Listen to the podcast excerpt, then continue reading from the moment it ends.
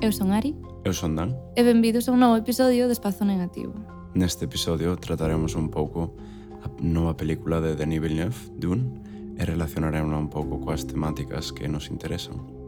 Tiñamos que aproveitar para falar desta película sí, porque, punto, no, pero... porque está sendo tanto moi pole, polémica dende a súa estrea en Venecia, no Festival mm. de Venecia, como um, agora que se estreou en salas e tamén a súa condición de doble estrea en Estados Unidos, uh -huh. tanto en salas como, como en streaming. En streaming. Ese método híbrido que dá moito para debatir hmm. no na conversa de se as salas seguen sendo necesarias e da importancia das salas a diferencia da, do visionado dos filmes en espazos privados dende as nosas pantallas máis reducidas de tamaño. Eh, vamos aló. Ademais, respecto a iso, sempre fun eh, un pouco reacio a ese tipo de argumento da morte do cine, no? que se leva augurando dende sabe Dios cando. A morte do cine, dende a tele ata a radio, ata, non sei. E me parece curioso que despois dunha pandemia de tres salas pechadas, esta película que precisamente é moi épica e moi grande, servise como un instrumento para voltar ás salas, o renacer do cine, no? que non estaba morto, senón que estaba como dormindo. Con respecto a iso, teño escoitado algunhas críticas a que falaban de Dune e que a conectaban con Christopher Nolan e Tenet, que se supón que debía ser unha película que tamén augurase un bo, unha boa volta ás salas, pero que non funcionou así. Algúns críticos, unha das cousas que lle tiñan que achacar a Dune de uh -huh. Denis Villeneuve uh -huh. é a súa simpleza e a súa adecuación aos impostos do cine comercial actual, eh, sí que é certo que a produción é, eh, é, é puramente comercial. É que intenta compracer certos mm. certos criterios estéticos e narrativos que se achegan un pouco aos éxitos de Marvel e das películas de superheróis. É que, ag perdón, agora deixéchelo perfectamente, porque onte cando estábamos lendo eh, entrevistas e eh, reviews e demais, lembro que me pasaras unha que decía que Dune se adecua a 100% ás normas, ás reglas cinematográficas, que é como algo moi... moi unha frase que, que, que a priori ten sentido, pero que se te paras a analizalo, todas as películas se adecuan ás normas cinematográficas, porque as normas cinematográficas poden ser moi amplas, poden ser moi estritas, eh, non sei o que realmente quería decir, supoño, aquel crítico que escribiu iso é o que estás dicindo ti. Sí, o que pasa é que o motivo polo que nos gusta de hmm. a ambos hmm. eh, E, bueno, o noso círculo de achegados, estivemos recomendando a película e todos saíron super encantados do sí, cine. Sí, xeralmente todo o noso círculo de achegados, moi positivo todo. E penso que unha das cousas que nos parece que fai ben Dune é precisamente adecuarse a esos criterios, compracelos, pero é como teño lido en algunha crítica, uh -huh. Uh -huh. sen insultar a intelixencia do espectador. Sí, efectivamente. E, e precisamente dándolle un chisco máis de profundidade e de mm, posibilidades para rebuscar nela, para mergullarse nela eh, desfrutar, é que, sí, sí, sí. desfrutar das convencións do xénero, sí. das convencións do xénero de ciencia ficción, ter que aguantar algúns clichés que obviamente sí. eran innecesarios, pero que adoitan vender máis. É que me parece moi curioso que, que xusto antes o mencionases a Nolan, mm. porque Nolan sí que ten unha fama de facer isto, no? de, de como apropiarse de, bueno, das, das, das normas e dos convencionalismos de, do xénero, pero á vez tratar o espectador un pouco de idiota ou de ignorante acerca das normas do mundo. E por iso as películas de Nolan están repletas de exposición e de teño que contarche todas as normas do mundo. E precisamente en Dune, Denis Villeneuve evítase iso nos primeiros 10 minutos solta absolutamente todo o que necesitas saber sobre a invasión dos Harkonnen, sobre como están esquilmando este planeta, sobre o que é a especia, sobre a Casa Trades, soltache toda esta información ao principio e evita ter que facelo despois. E non che trata como un idiota. E de feito na rolda de prensa de, de Venecia, de Venecia. Mm. Eh, fala disto, fala de que un dos, dos retos do filme foi xestionar toda esa exposición. A densidade, non? Sí. Porque, para que non o saiba, di un, é unha adaptación dun libro de ciencia ficción do an, dos anos 60 de mm. Frank Her Herbert. Sí, Frank Herbert E, claro, fala da complicación de adaptar unha obra tan complexa, e de feito só adaptou a metade do primeiro libro. Uh -huh. e, e claro, falaba diso, de que está tan repleto de detalle que quería incorporar iso, pero sen, sen ter que abrumar o espectador con tanta, uh -huh. con tanta exposición. The book is so rich, and it's a book that takes all its strength into its details. And uh, uh, it was really to try to, um, to find an equilibrium between the information that uh, someone that doesn't know the book at all, uh, the the amount of information that the the, the, the this the audience that don't know the book, the, the the the amount of information they will need to understand the movie, without crushing them with exposition and uh, trying to be, of course, as cinematographic as possible. So E it's dende, like, uh, dende o meu punto de vista, de verdade que me parece que o logra, porque as lembranzas que teño eu de, de, de ver películas de Nolan é que empeza co universo establecido e che vai soltando información ao cuentagotas. Entón, pasan cousas que quizáis ti non sabes, que te cuestionas que por que están pasando todo isto, e che vai dando esa información moi pouco a pouco, entón, a min ás veces facíame desconectar da película, porque non coñecías o, o universo, non? En cambio, con Villeneuve é o que decíamos antes, solta toda a información ao principio, coñeces o mundo, ala, a disfrutar da narrativa. E, ademais diso, xa o punto dende o que parte Villeneuve é admirable. Uh -huh. No sentido de que em, traballa moi ben coa, coa fonte original. Sí. Eh, estudou unha moi ben, uh -huh. notase que ten paixón polo contido. Uh -huh. E precisamente insisto nesa nesa rolda de prensa de Venecia que uh -huh. compre escoitar se vos gustou a película, uh -huh. porque nela fala sobre as temáticas do libro de Herbert que lle impresionaron e que lle gustaron dende a primeira vez que o, que o leu dende a viaxe de Paul que é o protagonista un mesías herdeiro dunha casa duque rollo Juego de Tronos. Así que xa sabedes se vos gustou o Juego de Tronos sí. tamén pode ser que vos, que vos guste, que vos guste isto. Eh, de como atopa a súa identidade de como se atopa mm, bloqueado e choca con outras culturas novas e todo isto rodeado da relación coa natureza, uh -huh. do medio ambiente, da degradación do mesmo e da explotación dos seus recursos.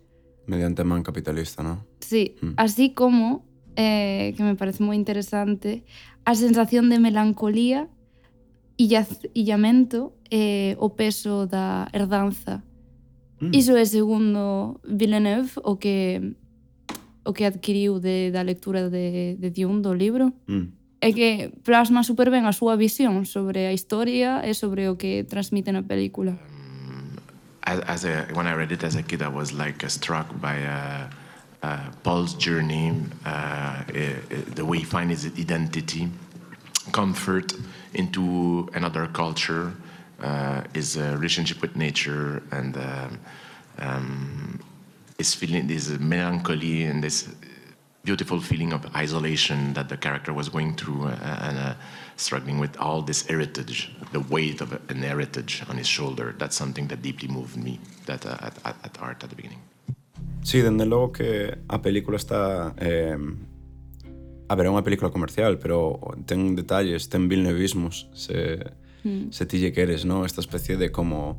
Em, bueno, primeiro como a negatividade en xeral de todo, ¿no? como pesimismo, é unha sensación de pesar ambiental, ¿no? como que o aire che pesa nos sombreiros e todo, eh, que é común na, eu diría que toda a filmografía de Villeneuve.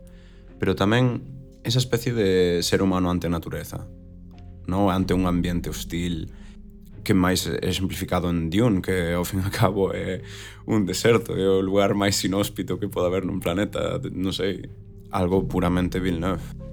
Unha das mestrías do, da historia e das prediccións de, de Frank Herbert uh -huh. no seu libro foi esta crítica super complexa á explotación dos recursos naturais uh -huh.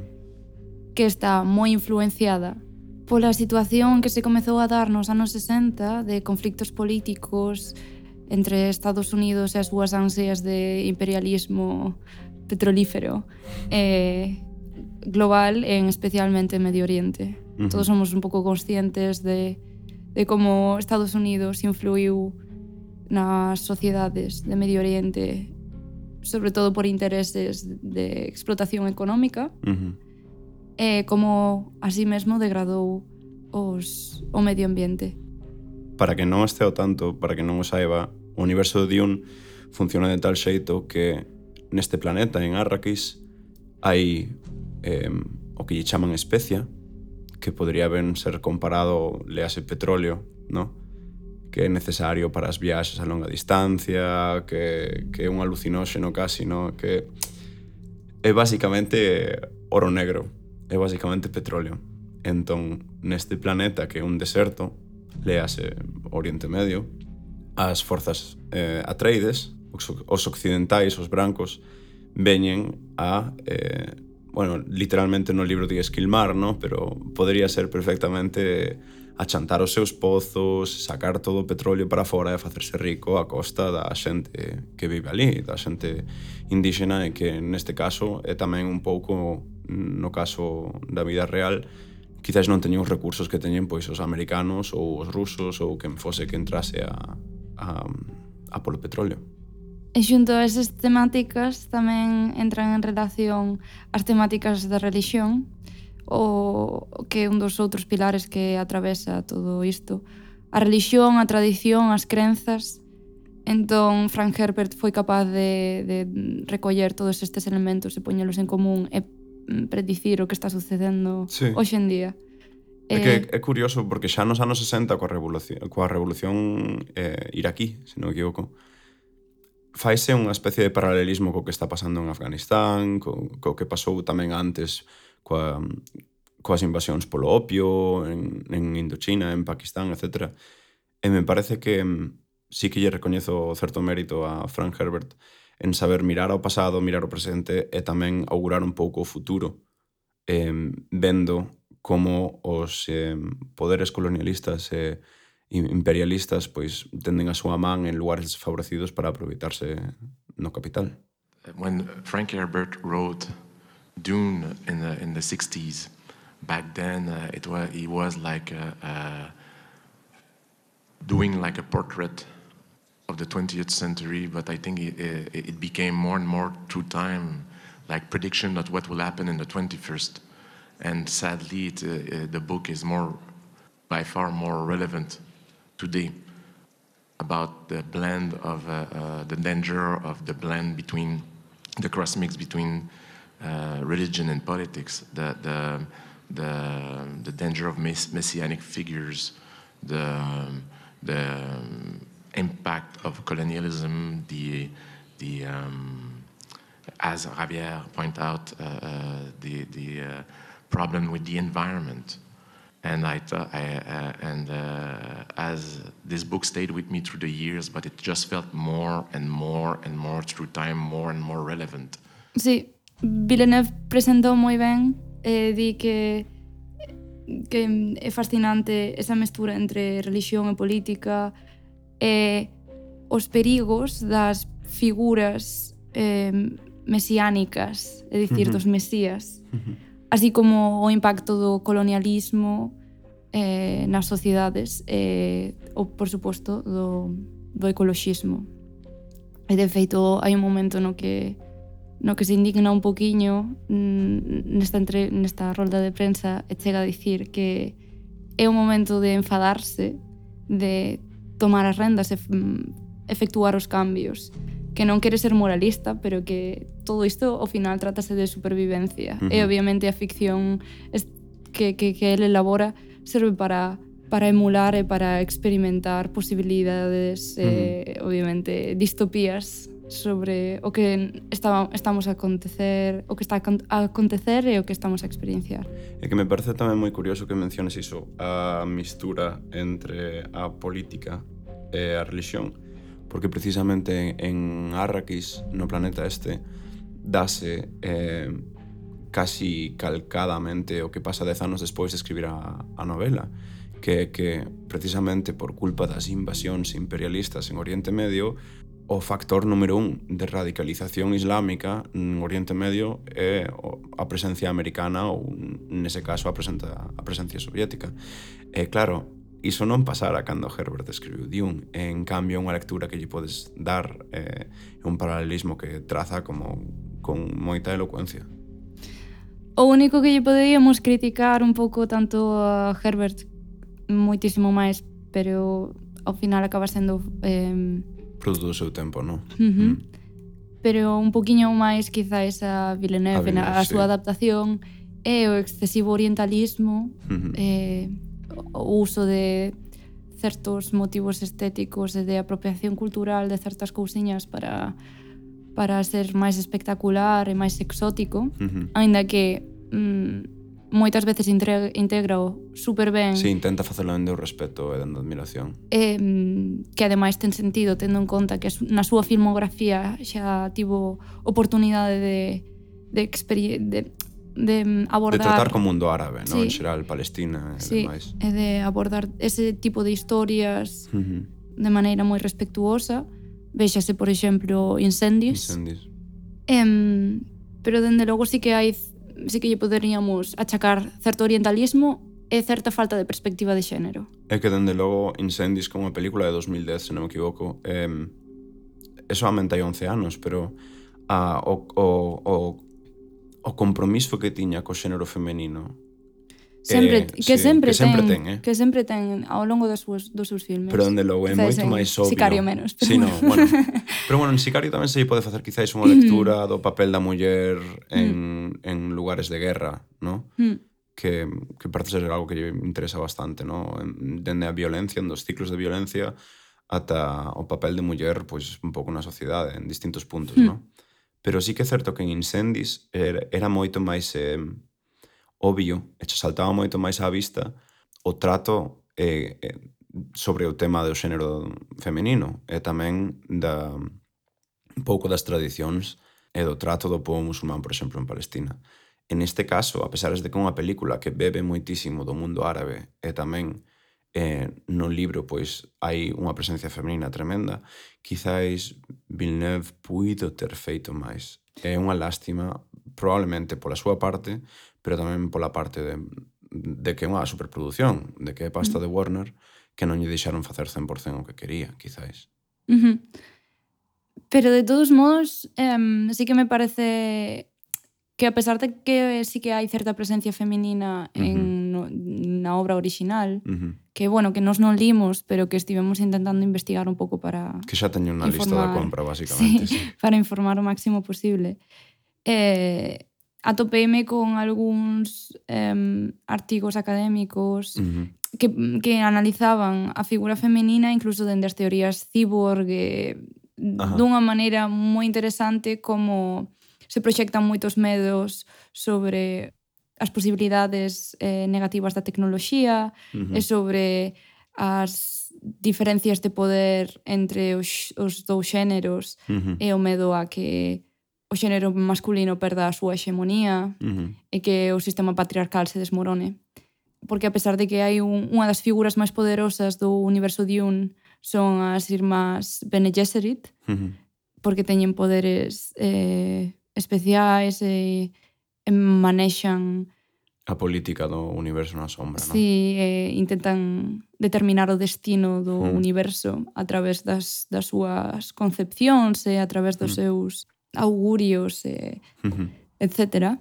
Seguen sendo personaxes mistificados, sí. no, como De feito, de feito aquí serían as meigas, as meigas galegas. Sí, son como No, porque aparte en, bueno, un pouco de spoiler, pero levan milenios eh coidando candidatos para cruzarse, para poder chegar a como este mesías, ¿no? Levan como alguén que ten unha mente prodixiosa que podría facer eh, podría atravesar literalmente o espacio e o tempo, é, eh, é o que eles queren. E claro, as, as Bene Gesserit son esta especie de meigas e están como postas como casi os outros. Sempre están na, na sombra, sempre son este personaxe misterioso ao que nunca chegas a acceder. E sí que é certo, que non sei se sabes, que HBO está preparando unha serie sobre as Bene Gesserit para televisión mm. que que xa me temo que vaya que esta propiedade vai a ser como Star Wars e van a acabar facendo series de televisión de spin-offs, cousa que, bueno, daría para un episodio inteiro, ¿no? Mm. Pero sí que é certo que ese personaxe das, bueno, os personaxes de, das Bene Gesserit sí que está un pouco, non maltratado, ¿no? Pero que se bota en falta algo máis de, de tacto con iso, ¿no? Ademais destes de personaxes, Denis in decide incluir un personaxe que na obra original é masculino uh -huh. e decide cambiar o xénero, volvelo feminino. Uh -huh. e, é simbólicamente un personaxe importante porque se trata da ecoloxista imperial. Uh -huh. Uh -huh. Ecoloxista, ecóloga, bueno. Ten moita significancia que sexa unha muller e conectaría incluso coa importancia e as correntes eh, de pensamento que achegan a, o feminismo ao ecoloxismo uh -huh. e, polo tanto, convirtese nun, persona, nun personaxe simbólico que é un pouco unha mágoa porque, obviamente, Villeneuve podería ter explorado máis en profundidade, pero É que tamén un pouco... Insistimos, sí. insistimos nas, nas constriccións e nas restriccións do, da superproducción claro. e de que o que Warner ia deixar Un pouco facer. que fai Herbert no libro eh, que non, que non se podría facer nunha superproducción nin de, nin de longe, non? pero o que Villeneuve decidiu foi centrar o, a perspectiva sobre Paul, sobre o personaxe principal, non? sobre o protagonista, para darlle alguén con quen identificarse, quizáis e así trazar unha narrativa que sexa tangible, eh, coa que podes entrar a empatizar. Pero sí que é certo que no libro, Frank Herbert, a pesar de centrarse un pouco tamén na casa de Atreides e na súa, na súa progresión, na súa escritura ten un recurso que mm, salta de cabeza a cabeza e o monólogo interno de cada personaxe o reproduce sen, sen tapujos, ¿no? É como esta especie de, de narración omnisciente pero dentro da cabeza de cada un. Entón, polo que teño entendido, os libros dan unha pluralidade de puntos de vista moito máis ampla do que ti poderías conseguir nunha peli e aínda por riba nunha superproducción. Sí, pero aínda así o personaxe principal segue sendo Paul Atreides. Eh... Que é un home branco. Sí. sí, obviamente, pero tamén a narrativa, ou polo menos a narrativa do filme, segue a súa viaxe, non? Sí. A súa viaxe ao mundo ou outro o ese outro mundo, no? ese mundo místico. Trazolle paralelismos, comentaba xo onte, con Wes Anderson, porque unha gran parte das, das pelis de Wes Anderson eh, siguen a protagonistas brancos en mundos, en outros mundos, ¿no? Pero en culturas que sirven únicamente como un trasfondo estético e eh, filosófico, pero nunca chegan a integrarse neles, De feito, o, o caso máis salientable para min é de Darjeeling Limited, no que tres irmáns brancos viaxan en tren pola India e hai personaxes que sirven única exclusivamente como a fetichización no? da, da xente racializada e no momento no que a vin, si que é certo que a peli de 2007, no momento no que a vin eu quizáis non tiña tanto coñecemento pero agora tendo o coñecemento que teño eh, que quizáis nese momento pois me faltaba volveríase un visionado molesto e tedioso. E claro, para min, perdón, perdón, eh, pero para min trazo o paralelismo con Wes, Ander, eh, con Wes Anderson precisamente porque está nunha fina liña entre admirar e tratar os personaxes con respecto e outrificalos. Se ben é certo que a historia pretende que Paul se mesture coas culturas indígenas e uh -huh. que adquira as súas formas, porque precisamente vai ser o seu salvador, sí. segue habendo de fondo e de superficie o complexo de Salvador Branco, sí. que dende logo problemático. Ainda así, eu penso que hai na maneira de realizar e de narrar esta mestura e estes conflictos, eu penso que Villeneuve ao final acaba saindo beneficioso, ben parado, acaba saindo sí. ben parado, sí. E de feito, algúns críticos tamén lle achacan que a súa excesiva sinxeleza, uh -huh. que que é evidente en todo momento o filme, que non sorprende. Non sei. Quizáis un eu teño... momento para mencionar o, o, a estrutura da película, non? Claro, sí. Porque sí que é certo que mm, De igual xeito que moitas historias de heróis salvadores que necesitan algo, van a outro mundo, consiguen, volven e pagan o prezo, Dune sigue un pouco esta estrutura, un pouco, creo, por convención e por facer iso unha narrativa tangible que o que dixen antes. Pero tamén sabese sair desa narrativa en certos momentos. Non é ríxida, non é un esquelete que tes que seguir, no? senón que Villeneuve, xa xa xa por obra súa ou por obra de Herbert, é capaz de, de saírse, de desviarse de certas convencións do xénero e dar momentos cos que non só te sorprende, pero creo que con que podes empatizar con certos personaxes cos que pensabas que non ibas a empatizar. Porque certos personaxes secundarios teñen as súas intencións, e teñen os seus soños, e teñen os seus desexos, e chocan constantemente entre eles.